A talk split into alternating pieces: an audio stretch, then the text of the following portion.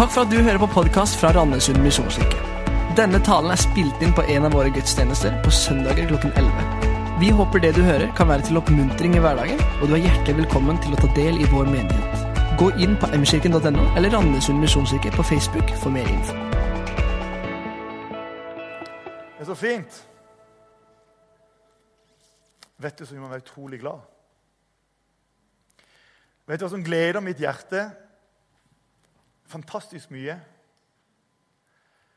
Det er når vi er her, og så tenker jeg her kunne jeg vært alene.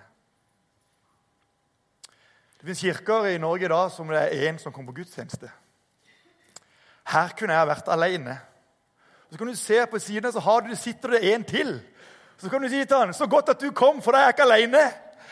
Da er vi kanskje to. Så godt at jeg ikke satt her alene, så får jeg iallfall en følelse at det er ikke bare meg som sitter her. Det er jeg glad for. Jeg er så glad for en ting til. At når jeg kom her i dag klokka 10.20, for da var det sånn møte for et eller annet for denne gudstjenesten, så er det så mye folk der inne som skal planlegge denne gudstjenesten. Alle disse har forberedt seg for å lage en gudstjeneste for deg og for meg. Jeg er så glad for at noen gidder det. Jeg er så glad for at når, når Marianne sier nå skal vi reise oss og, og nå skal vi synge, så, så ler de i sang. Så jeg er glad for at du reiser deg, så synger du med. For ellers er de sunget alene. Det er så godt at vi kan synge sammen. Jeg er så glad for at når vi kommer sammen, så gjør vi det sammen. Jeg er så glad for at Sondre kommer her og vil ha et egg i huet selv om han bare tuller. Fordi at han skal ta med seg ungene opp og lære dem om Jesus. Noe irriterende så godt om Jesus. Er vi glad for det her? Skjønner poenget mitt? Er vi takknemlige for det? Eller er hele menigheten, hele gudstjenesten, en selvfølge som bare er der? Den er ingen selvfølge, kjære venner. Det er ingen selvfølge at vi kan komme her hver søndag og vite at da er det gudstjeneste, bortsett fra juli måned, for da vi sommerferie. Det er ingen selvfølge at dette skjer. Det er ingen selvfølge at når vi kommer sammen her, så kommer vi sammen fordi vi ønsker å dele noe av det vi tror på, eller kanskje tror litt på, eller kanskje tror mye på, eller kanskje litt usikker på, men vi velger å komme likevel. Vi er iallfall nysgjerrige, for vi kommer her for vi ønsker å være her. For vi tror at når vi kommer sammen, så sier Skriften at det er hvor to eller tre er samla, der er jeg midt iblant dere. Det er jeg utrolig glad for. For jeg er utrolig glad for at jeg skal tale her i dag. skal det vite. At Hadde det bare vært meg her, så hadde det vært veldig kjedelig en ting. Men hadde jeg ikke visst at Gud var med i det jeg gjorde her nå, så hadde jeg ikke gjort det her. For jeg at jeg skal dele Hans ord, og så tenker jeg Jesus er avhengig av din ånd. Helligånd, du må lede det her. Og så er det du som skal tale til menneskers Og Jesus er ikke alene. Halleluja. Jeg er ikke alene. Dere er ikke alene. Vi er ikke alene. Vi er sammen her, og Jesus er midt iblant oss. Han er her akkurat nå. Kan det være noe bedre? Kan det være noe bedre? Skal jeg be en bønn. Kjære Jesus, jeg takker deg for at når vi kommer sammen, når vi kommer sammen, så kommer vi sammen i ditt navn. Når vi kommer sammen, så ønsker du å være sammen med oss. Vi skal slippe å være alene. Og om vi hadde sittet her helt alene som tilhører, holdt jeg på å si, så hadde du også vært der like sterkt som du er der nå. For du ser alltid den enkelte. Men takk, Herre Jesus, for du ønsker å være sammen med oss. Og takk for at du har vært her allerede, og du er her sammen med oss alle sammen. Og takk for at din hilsen, Herre Jesus, til oss denne, denne formiddagen, som alle andre morgener når vi er oppe, det er nåde være med dere og fred fra Gud. Jesus, hjelp oss til å fatte det at din nåde den kommer til oss nå, og vi kan ta imot din fred. Jesus har lyst til å be om det. Jesus, jeg legger bare denne, resten av denne gudstjenesten her, Herre, hvor du allerede har vært og klart, og du er midt iblant oss allerede nå. Herre, åpne opp og tal til hjertene våre, rør med hjertene våre fra himmelen, så vi ser hvem du er. For alt vi gjør, Herre, det handler om det. Så nå ønsker vi at du, Herre Jesus, det er du som skal tale. Og når du taler, så taler du alltid til hjertene våre fra himmelen. Så Hellige Ånd, kommer du og gjør dette et levende sted, for du er her. Og Jesus, måtte du bli synlig for oss, far. Ta sløret vekk fra øynene våre, Herre. Alt det som, som, kan få oss til å se og tenke på oss alt mulig. Ta sløret vekk så vi ser deg, far. Vi ønsker å se deg og din trofasthet. Amen. Ok. Eh, I dag vi er i en serie som heter 'Provoserende godt'. Eh, Jesus provoserte. Han provoserte fordi han var god. Og Det er jo et, eh, veldig rart å tenke på at du blir provosert fordi du er god. Eh, så vi ser litt nærmere på det. Eh, og I dag så er det en heading på denne talen eh, som heter 'Harde ord, evige ord'. Og Jeg vet ikke hvor mye av dere har tenkt på det, men det har faktisk jeg har brukt mye tid på å tenke på hvordan Jesus møter mennesker i Nytestamentet. For han gjør det egentlig aldri helt likt, selv om mye er likt. Og så kan du egentlig dele det i, i, to hovedbolker. Han møter noen med holdt jeg på å si, helbredelse og raushet og nytt håp og nytt mot. Og de får et nytt liv, og de begynner å leve på nytt, og de ser alt på nytt. Og de blir bare sånn her, og de blir bare Jesus, de blir bare helt kjempeforelska. Jesus er fantastisk, ikke sant? Disse horene han møtte, som bare fulgte etter han, og Han møtte de, og de bare følger etter han. Og så har noen andre han møter på en annen måte. Det er ofte disse, disse som er eliten i samfunnet. Den åndelige eliten. De, de som på en måte, de som er de som på en måte har skjønt alle tingene. og de, for å si det rett, de lever så godt de bare kan, og de gjør det på en fantastisk god måte. tror jeg.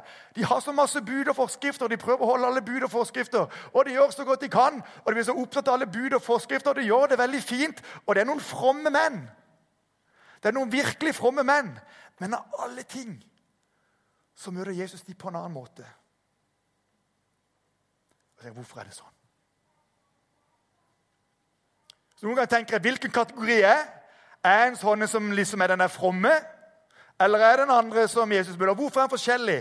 Hvordan er det sånn? Hvordan henger dette sammen? Noen finner håp. Noen finner trøst. Noen blir løfta opp. Og noen blir utrolig provosert. Noen blir utrolig irritert. Noen blir så sinna at de ønsker å drepe han. Noen blir fylt av kjærlighet, og noen blir fylt av hat. Samme mann, samme budskap. Hva er det med Jesus? Hva er det med Jesus som gjør dette? Teksten som vi skal lese fra, er eller vi er egentlig i Johannes evangelium. Jeg vet ikke om dere kjenner Johannes evangelium, men, men jeg syns det er et sånn deilig evangelium, for det er ikke så strukturert som alle de andre. Der er det sånn at Johannes skriver litt sånn fritt, på en måte, og det er liksom overalt. og Han skriver det han føler. på en måte. Du kan merke at det, er ikke alltid han er med alle detaljer som du finner i Lukas. for Lukas er legen så veldig detaljert. Han skriver litt ned og glemmer noe, men han har liksom noen andre linjer. og så synes det er deilig å lese Johannes. Jeg vet ikke hvorfor det er sånn. Men, men, men, når du leser Johannes evangelium, eh, så, så, så, så, er det ikke så, så Siste halvdel handler egentlig om den siste uka han var på jord. holdt jeg på å si. Og, og, og Før dette så, handler det litt om hvordan Jesus møtte disse forskjellige menneskene, og Johannes skriver om det på sin måte. Og Teksten er fra Johannes 6, fra vers 60 til 71. Og, og, og der er det sånn at Johannes 6, vers 60-71. og det er liksom en, Dette er liksom det jeg skal tale over, men så skal jeg fortelle hva som skjedde før og etterpå. Men nok om det. Dette er muntlig. Nå leser jeg først. Johannes 6, fra vers 60 til 71 står det. Mange av disiplene som hørte det, sa da, 'Dette er harde ord'. Hvem kan høre på slikt? Jesus visste med seg selv at disiplene hans var forarget, og han sa, 'Synes dere dette er anstøtelig?' Hva så når dere ser menneskesønnen stige opp hvor han var før? Det er Ånden som gjør levende. Her kan mennesket intet utrette. De ord jeg har talt til dere, er ånd og liv. Men det er, noe, det er noen av dere som ikke tror. For Jesus viste fra første stund hvem som ikke trodde, og hvem som skulle forråde ham. Og han la til.: Derfor sa jeg til dere at ingen kan komme til Faderen uten at det gitt ham av Faderen. Etter dette trakk mange av hans disipler seg tilbake og gikk ikke lenger omkring sammen med ham. Da spurte Jesus de tolv, vil også dere gå bort? Men Simon Peter svarte, Herre, hvem skal vi gå til? Du har det evige livs, livs ord. Og vi tror og vet at du er Guds hellige. Da sa Jesus, 'Har jeg ikke utvalgt dere tolv, og en av dere er en djevel?' Han tenkte på Judas, sønn av Simon Iskariot, for han skulle forråde Jesus, han som var en av de tolv. Dette er teksten, og for å si det rett det er egentlig slutten. Så nå skal jeg ta begynnelsen. Er det greit? For egentlig så Her sier Jesus det har skjedd noe. Og så sier, sier disiplene dette er harde ord. Men hva er det som er harde ord? Hva er det som folk tar anstøt av? Hva ligger bak dette som har skjedd når, når, når denne samtalen kommer? At folk plutselig går vekk fra Jesus. For, for, for de ville ikke høre lenger. De hadde fulgt og sett noe, så, så gikk de bort. Så ville de ikke mer. Og disse tolv undrer seg. hvem? De ble sånn der, de syntes også det var harde ord. Og sier ja, men Jesus, hvorfor gjør du det sånn? Og så spør han til Peter vil du gå, eller vil jeg gå bort. Og da sier Peter ja, dette er harde ord, men eh, jeg tror at du er Guds sønn, så hvor ellers skal vi gå? Det er ikke alt jeg forstår. Men hva ligger forut for dette? Da er vi i Johannes 6, og jeg har tenkt å ta en liten vandring nå fra i Johannes 6, hele kapittelet, og faktisk begynne i kapittel 536. Kapittel 536, siste del. For det, det ble jo diskusjon blant de lærde. Hvem er denne mannen? Hvem er Jesus? For det gikk rykter om at folk ble friske. De som ingenting var, de løfta han opp. De som var kjeltringer, de ga en ny start. De som ingen ville være sammen med, de var han sammen med. Han var annerledes enn eliten. Han var annerledes. Og så står det i Johannes 5, 36, De gjerninger jeg gjør, sier Jesus, de vitner om at Faderen har sendt meg. Og her begynte folk å bli provosert. For han snakka hele tida om meg. Faderen har sendt meg. Og da begynte de å tenke Tror han at han er bedre enn oss? Vi som er eliten.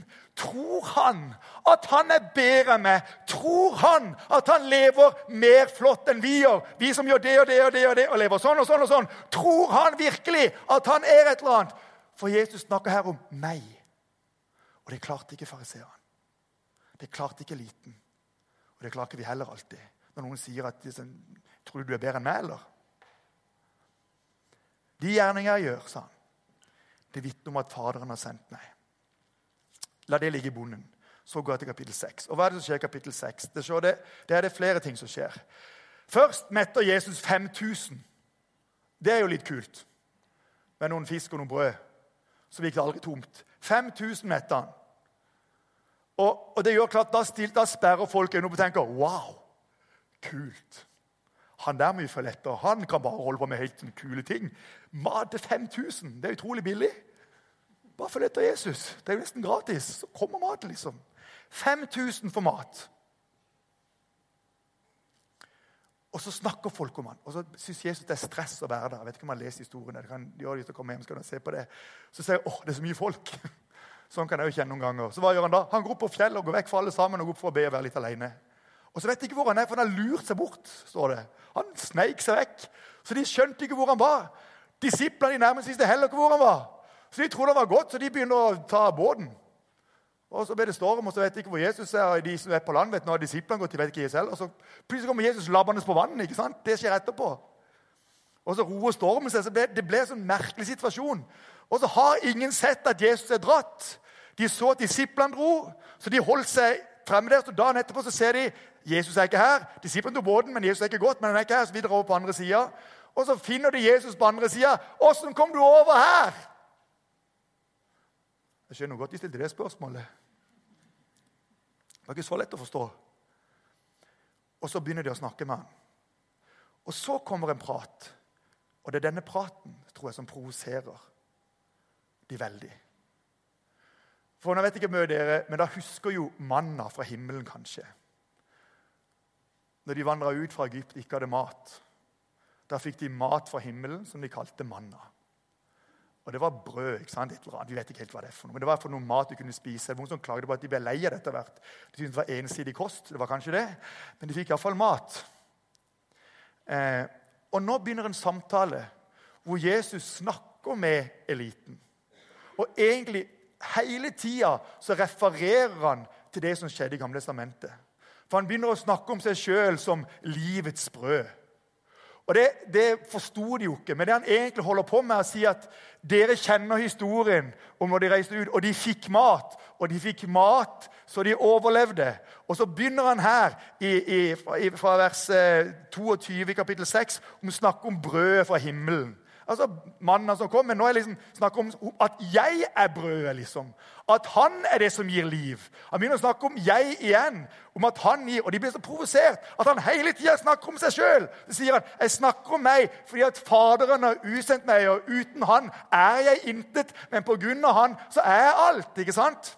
Han sier jo retning til han, men de tenker bare jeg, han der idioten her, som tror han er noe. Og så holder han på å snakke om igjen av det her. Han snakker snakker om meg, om Faderen som har sendt han, om at han er livets brød, og at alle som tror på han, skal få evig liv. Og dette får de ikke til å gå opp. For de har levd så flott, og de lever så flott, og de prøver. Jeg kunne lest mange til, men jeg sier jeg gjør dette. For jeg, Hvis dere spiser av meg I dag er det jo nattverd. Det er egentlig en fantastisk tekst. vi skulle lest hele her, her, Om at den som spiser av meg holdt jeg på å si, den har evig liv, står det. Altså den som, den som tar imot meg som livets brød. Altså, den som tror på det jeg har gjort, han får liv. Men dere som holder på, der styrer sånn, for da tror det er så mye vanskeligere. Da tror det er så mye mer. Og så blir de irritert på meg fordi jeg gjør det irriterende godt. Og så snakker om disse tingene her, og så blir de provosert. De ble kjempeprovosert. Og til og med de nærmeste tolv ble provosert, for de kjenner også Skriften.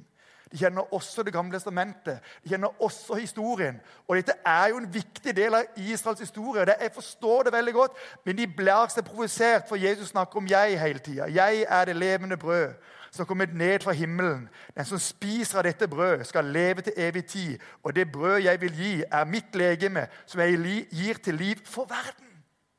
Vi skjønner det jo nå, sant? at han gir seg sjøl og sier det er ikke fordi du presterer det, men du kan ta imot det, du kan tro det. Og så sier han det skal ha liv. Dere skal ha liv, dere som tror på meg.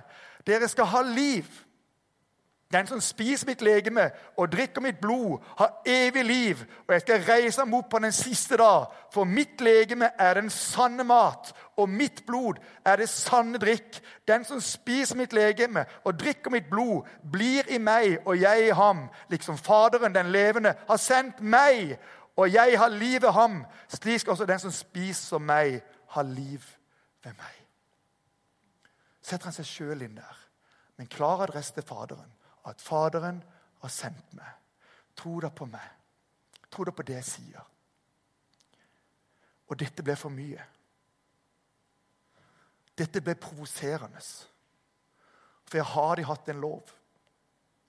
Her har de hatt en lov. Og de kjenner loven, og de kjenner forskriftene. At dette kan ikke være sant. De ble provosert. Det går utover deres forstand. Det går ut av det de forstår og det de levd opp de Vi levd opp til å lære dette og leve sånn og gjøre sånn, og så skal det gå det godt osv. Så, videre. så dette går ikke opp. Og Så skjer det en historie som kommer to kapitler etterpå. Hvis jeg bladd over til Johannes 8, da kan du se på dette en gang hvis du har lyst. Og Der er det en historie som, som for, for, da viser det hva som skjer med disse, med, med, med disse fariseerne. For de ble så provoserte, de går av vei, og så, så skal de sette Jesus på prøve. Så har de funnet ei dame som står er grepet i ekteskapsbrudd. Okay? Det er veldig kult at de finner damer som har drevet ekteskapsbrudd, ikke mannen. men det er noe en annen sak. Eh, de fant bare damer. Eh, veldig rart hvor mannen ble av. Ja. Iallfall litt i tonen på fersken. så er det veldig rart. Eh, men iallfall så fant de denne dama. Og etter loven, og loven kan de, skal dama steines til døden. Og de kjenner loven. Sant? Og de tenker vi tar med denne dama til Jesus. Vi tar med den dama til Jesus, og så hører vi han her å si. Og Der kommer de med steinene klar. Dette er to kapitler etterpå. For de har latt seg provosere av det han har sagt. De har latt seg provosere de ordene han har brukt. De har latt seg provosere, irritere. Og de blir så irritere at de faktisk går så langt at de glemmer lov. De skal plutselig til å drepe han. Og de vet sjøl at loven sier du skal ikke drepe. Så da er plutselig loven borte. sant? Men når sinnet tar over, når hatet tar plass, så blir det så mange ting. Og så er det den dama da, som er der. Og denne dama vet at hun skal dø nå. Hun kjenner loven, hun vet akkurat hva hun har gjort. Hun kjenner sin situasjon og vet at nå er det min tur. Jeg blir drept. Så tar de jo med til Jesus og forteller hva som har skjedd. Og så kommer det svaret, det svaret som kanskje har betydd mest for hele mitt kristenliv. Det er det svaret Jesus sier når, de, når, han blir spurt hva skal vi gjøre. Han sier den av dere som er uten synd, kan kaste første stein. Et utrolig irriterende svar for de som står der. For i et øyeblikk så er de avslørt. På et øyeblikk så det de et glimt av sin egen situasjon. Kanskje først da, på grunn av det svaret, så får de et blikk av sin egen situasjon. Og Jesus sier andre steder i Johannes at ja, men da, lever, da sier at at, at vi skal leve etter loven, men da lever ikke etter loven sjøl, sier han. Det provoserer de i hvert fall. Eller da klarer de ikke. Og det er jo sant. Det betyr ikke at loven ikke er god, for loven er god. Den er sann. Men frelser oss ikke. Og så kommer de til svaret. Den av dere som er uten synd, kan første stein. Det som jeg synes har vært litt gøy med det, det er liksom det som skjer. Hvem er det som la fra seg stein først? Det var de eldste. De har skjønt det. Nå er jeg over 50, så nå begynner jeg å komme blant de eldste. Halleluja. Da har jeg skjønt de viktige ting. Men de skjønte plutselig, kanskje før en 20-åring, at jeg når ikke opp. Mitt 50 år gamle liv har også lært meg at jeg når ikke alltid opp. Det er ikke alltid ting blir helt som du skulle ønske, og det er ikke alltid ting blir så bra, fint og flott og rent som det skulle ha vært. Så De skjønner og legger steinen bort, og så går de bort en etter en. Og så sitter dama igjen. Og det møtet der mellom den dama og Jesus det må være et utrolig spesielt møte. Hun var sikker på hun skulle dø. Hun var sikker på hun var ferdig. Så sier han, 'Er det ingen som fordømmer det?' Nei. Så sier han, 'Heller ikke jeg fordømmer det'. Og Så kommer en setning til. 'Gå bort og synd ikke mer'. Så betyr egentlig 'i dag kan du starte på nytt'.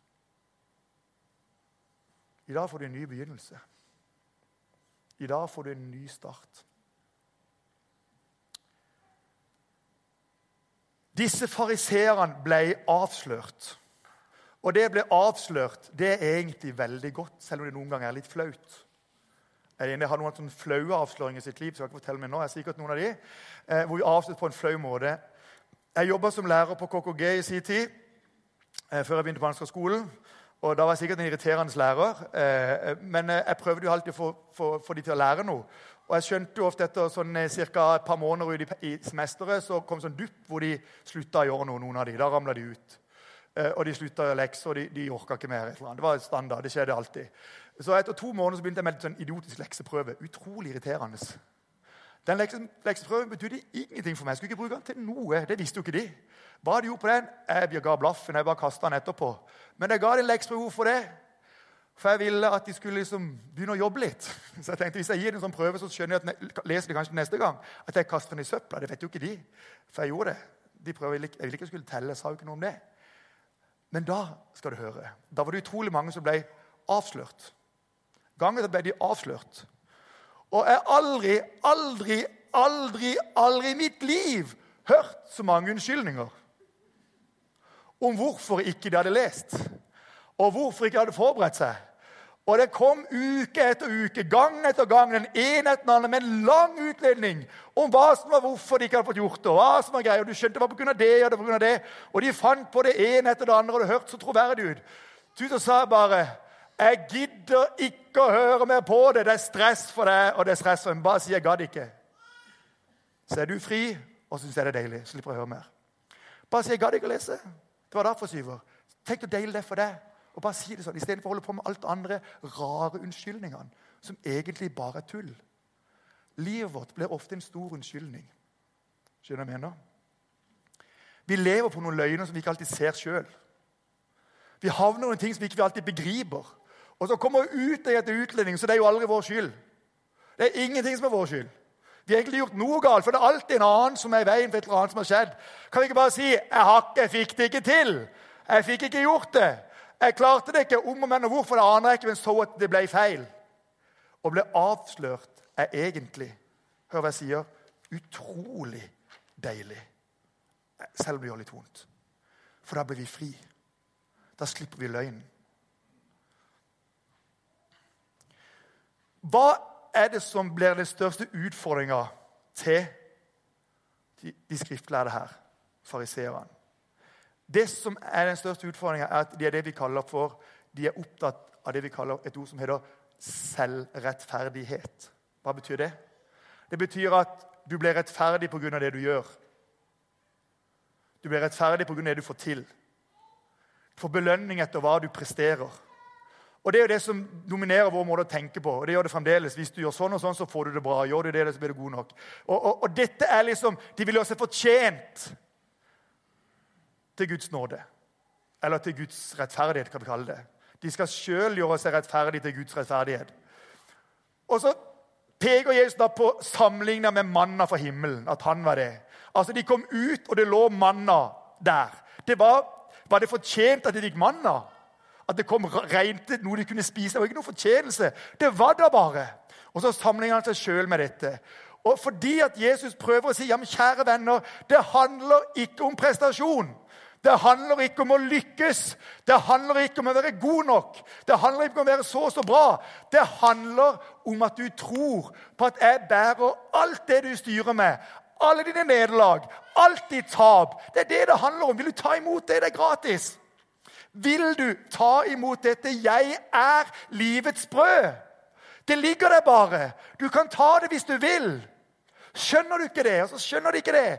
For tanken blir feil. De får det ikke til å gå opp. Og så blir det at de tror at Jesus er høy på seg sjøl. Så blir det at de begynner å misunne han, og så blir det sinne, og så blir det hat. Og så holder de det gående.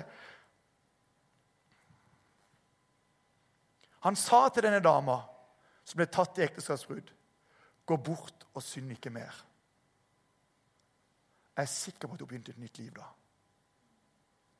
Jeg er sikker på at ting endrer seg. Vet du hvorfor jeg er sikker på det? For sånn var hele Nytestamentet. Hvordan var det med Sakkeus, en kjeltring som tok altfor mye? Han møtte Jesus. Han så han i tre, tok med en og spiste. Så ga han tilbake mye mer enn de hadde tatt. Det skjedde en forandring når de møtte Jesus. Og forandringen, hvor skjer den? Forandringa skjer innenifra. Når mennesker møter Jesus, så skjer det en forandring innenifra. Det skjer noe nytt. Det kommer et eller annet som kommer fram.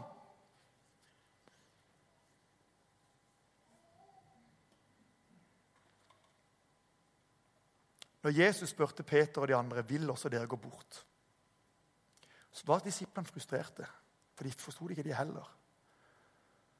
Og da sa de bare hvem skal vi gå til? Du er det evige livs håp. Det er av og til at livet blir sånn at det ikke helt går opp for noen av oss. Det er av og til vi er frustrerte. Og skal jeg være ærlig, Hvis jeg ser på mitt eget liv, så er jeg av og til som en fariseer av min egen rettferdighet, som ofte føler at jeg begynner å se ned på andre. Som ikke lever så fromt og flott som meg, tenker vi i noen små øyeblikk. Det er ikke så lenge det varer, som regel. Skjønner at så from var jeg ikke i det hele tatt, som jeg trodde akkurat der og da. Men som mennesker blir vi sånn. Vi blir så opptatt av det flotte, fasaden, det vi kan vise fram, så alle kan se. Så tenker vi på alt det flotte, fine. Noen ganger så tenker jeg når vi som mennesker har en tendens til at vi sammenligner vår innerside med folks fasader, da har vi et stort problem. Hørte du det? Jeg tror vi mennesker har et stort problem, for ofte så sammenligner vi vår innerside med folks fasader. Når vi ser fasaden, ser vi det flotte, og ser vi vår innerside, så følger vi her når ikke opp. Og så tror vi at det er bare vi som har det sånn som vi har det. Men hadde vi begynt å sammenligne innersida med hverandre, er med? At de virkelig delte liv med hverandre og kunne fortelle om hvem vi var. Så kunne vi være sikre på én ting. Vi er helt like alle sammen. Vi styrer med de samme ting. Vi kjemper med de samme ting. Vi opplever de samme nederlag. Vi opplever at det ikke når opp. Vi kjenner at dette ble ikke helt riktig. Vi skulle ønske det var bra, men det ble ikke bra. Skal vi være ærlige, hvis vi begynner å sammenligne hverandres innersider istedenfor fasader, så vil vi finne ut at vi er kliss like, og vi trenger noe helt annet. Hvor er egentlig vi da? Hva er det med meg i møte med den teksten? Hvem, hvordan møter den meg? Trenger jeg hjelp? Trenger jeg hjelp, eller skal jeg klare livet alene? Trenger jeg hjelp av Jesus, eller skal jeg klare alt alene? Skal jeg bli rettferdig på alt jeg gjør?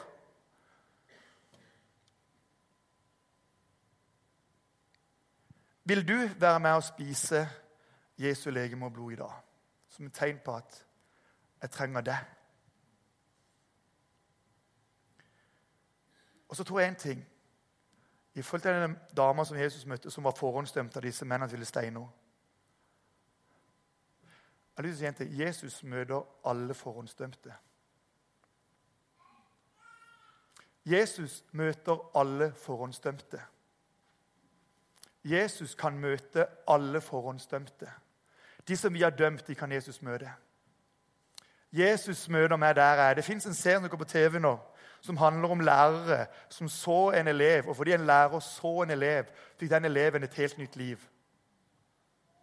Det var en lærer som så en elev, og eleven ble sett for første gang på den måten. Med respekt og anerkjennelse fikk et nytt liv.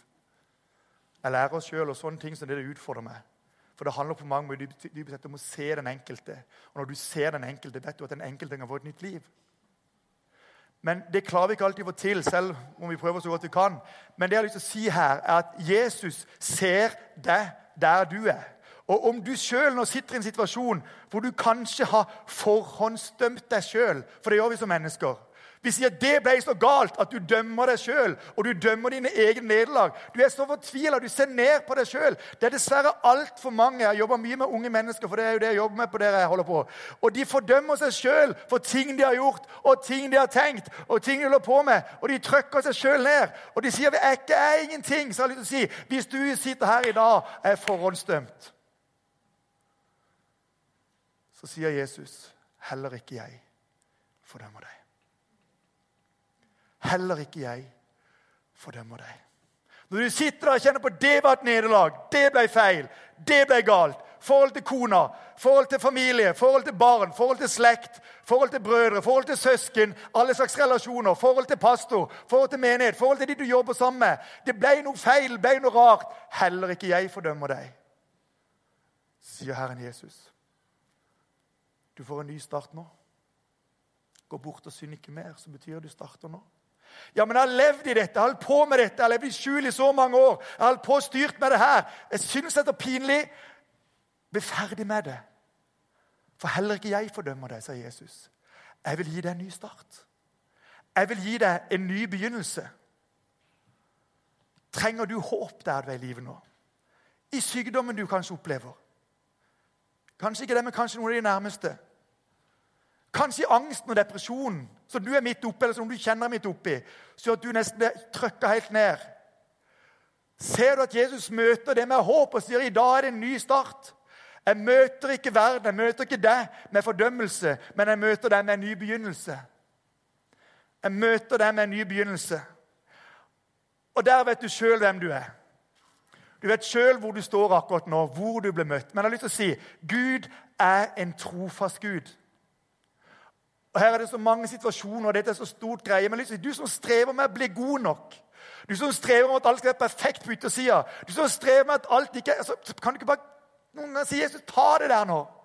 Jeg vil leve godt nok sånn som jeg med det jeg klarer å få til, og så klarer jeg ikke alt. Og så trenger jeg din hjelp.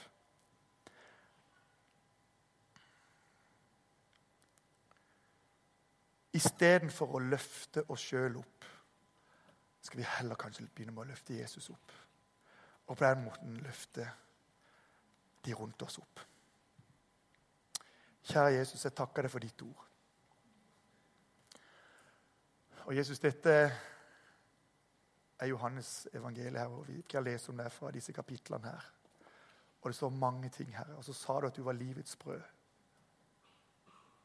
Det som bare er det, det vi bare kan spise som ligger der ufortjent, Herre Jesus. og folk blir provosert. Og her er Noen ganger er det sånn at folk ble provosert av det. Det er veldig merkelig med hva de hører Jesu navn til mange mennesker blir kjempeprovosert. Og kanskje herre Jesus er det fordi at vi som mennesker noen ganger har en tendens til å heise oss sjøl opp og vise så flinke vi er. Kanskje gjør vi det her i Randesund misjonskirke også noen ganger, Jesus. Og sier se hvor flinke vi er i Randesund misjonskirke. Bare de flotte gudstjenestene og de flotte folkene. Se hvor flinke vi er. Så folk utenfor kjenner at eh, her når jeg opp. Tilgi oss, Herre Jesus.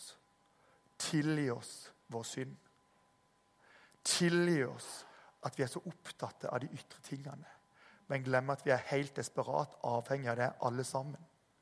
Tilgi oss, far, for at vi styrer i vei med så mange yttersider og glemmer at innersiden vår er helt lik med alle de andre. Tilgi oss, far, når vi forhåndsdømmer og trykker folk ned. Tilgi oss, far, når vi bruker ord som ødelegger og dreper, i stedet for å bruke ord som bygger opp og skaper liv. Jesus, du ønsker å skape liv og bygge opp, og du møter oss i dag, Herre. Hjelp oss som sitter her og kjenner at vi er forhåndsdømt som kjenner at her er bomma totalt, som kjenner på skam og sorg i livet, på ting som ikke ble som de ønska. Far, møt oss der vi er, med en ny start og ny oppreisning. Og hjelp Jesus, la det starte innenifra. At det er du som gjør det inni oss, Herre. Så vi i dag ved Gud forandre av fordi vi tror på din nåde som møter oss. Kjære himmelske Far, tilgi oss alt det vi baler med som ble feil. Hjelp oss til å si i det er forløsningen. I det er friheten. I det er den nye begynnelsen. I det er starten. I det er kraften. I det er håpet. I det er helbredelsen. I det er livet, Herre Jesus. Jesus hjelper til å se det. Og det har jeg lyst til å be Når vi går til nattverd i dag, Far himmelen, la det bli en nattverdstund når vi kan prise ditt navn og løfte opp ditt navn og takke deg for det du har gjort for oss, Herre Jesus. Din trofasthet som møter oss. Det har jeg lyst til å be om. Amen.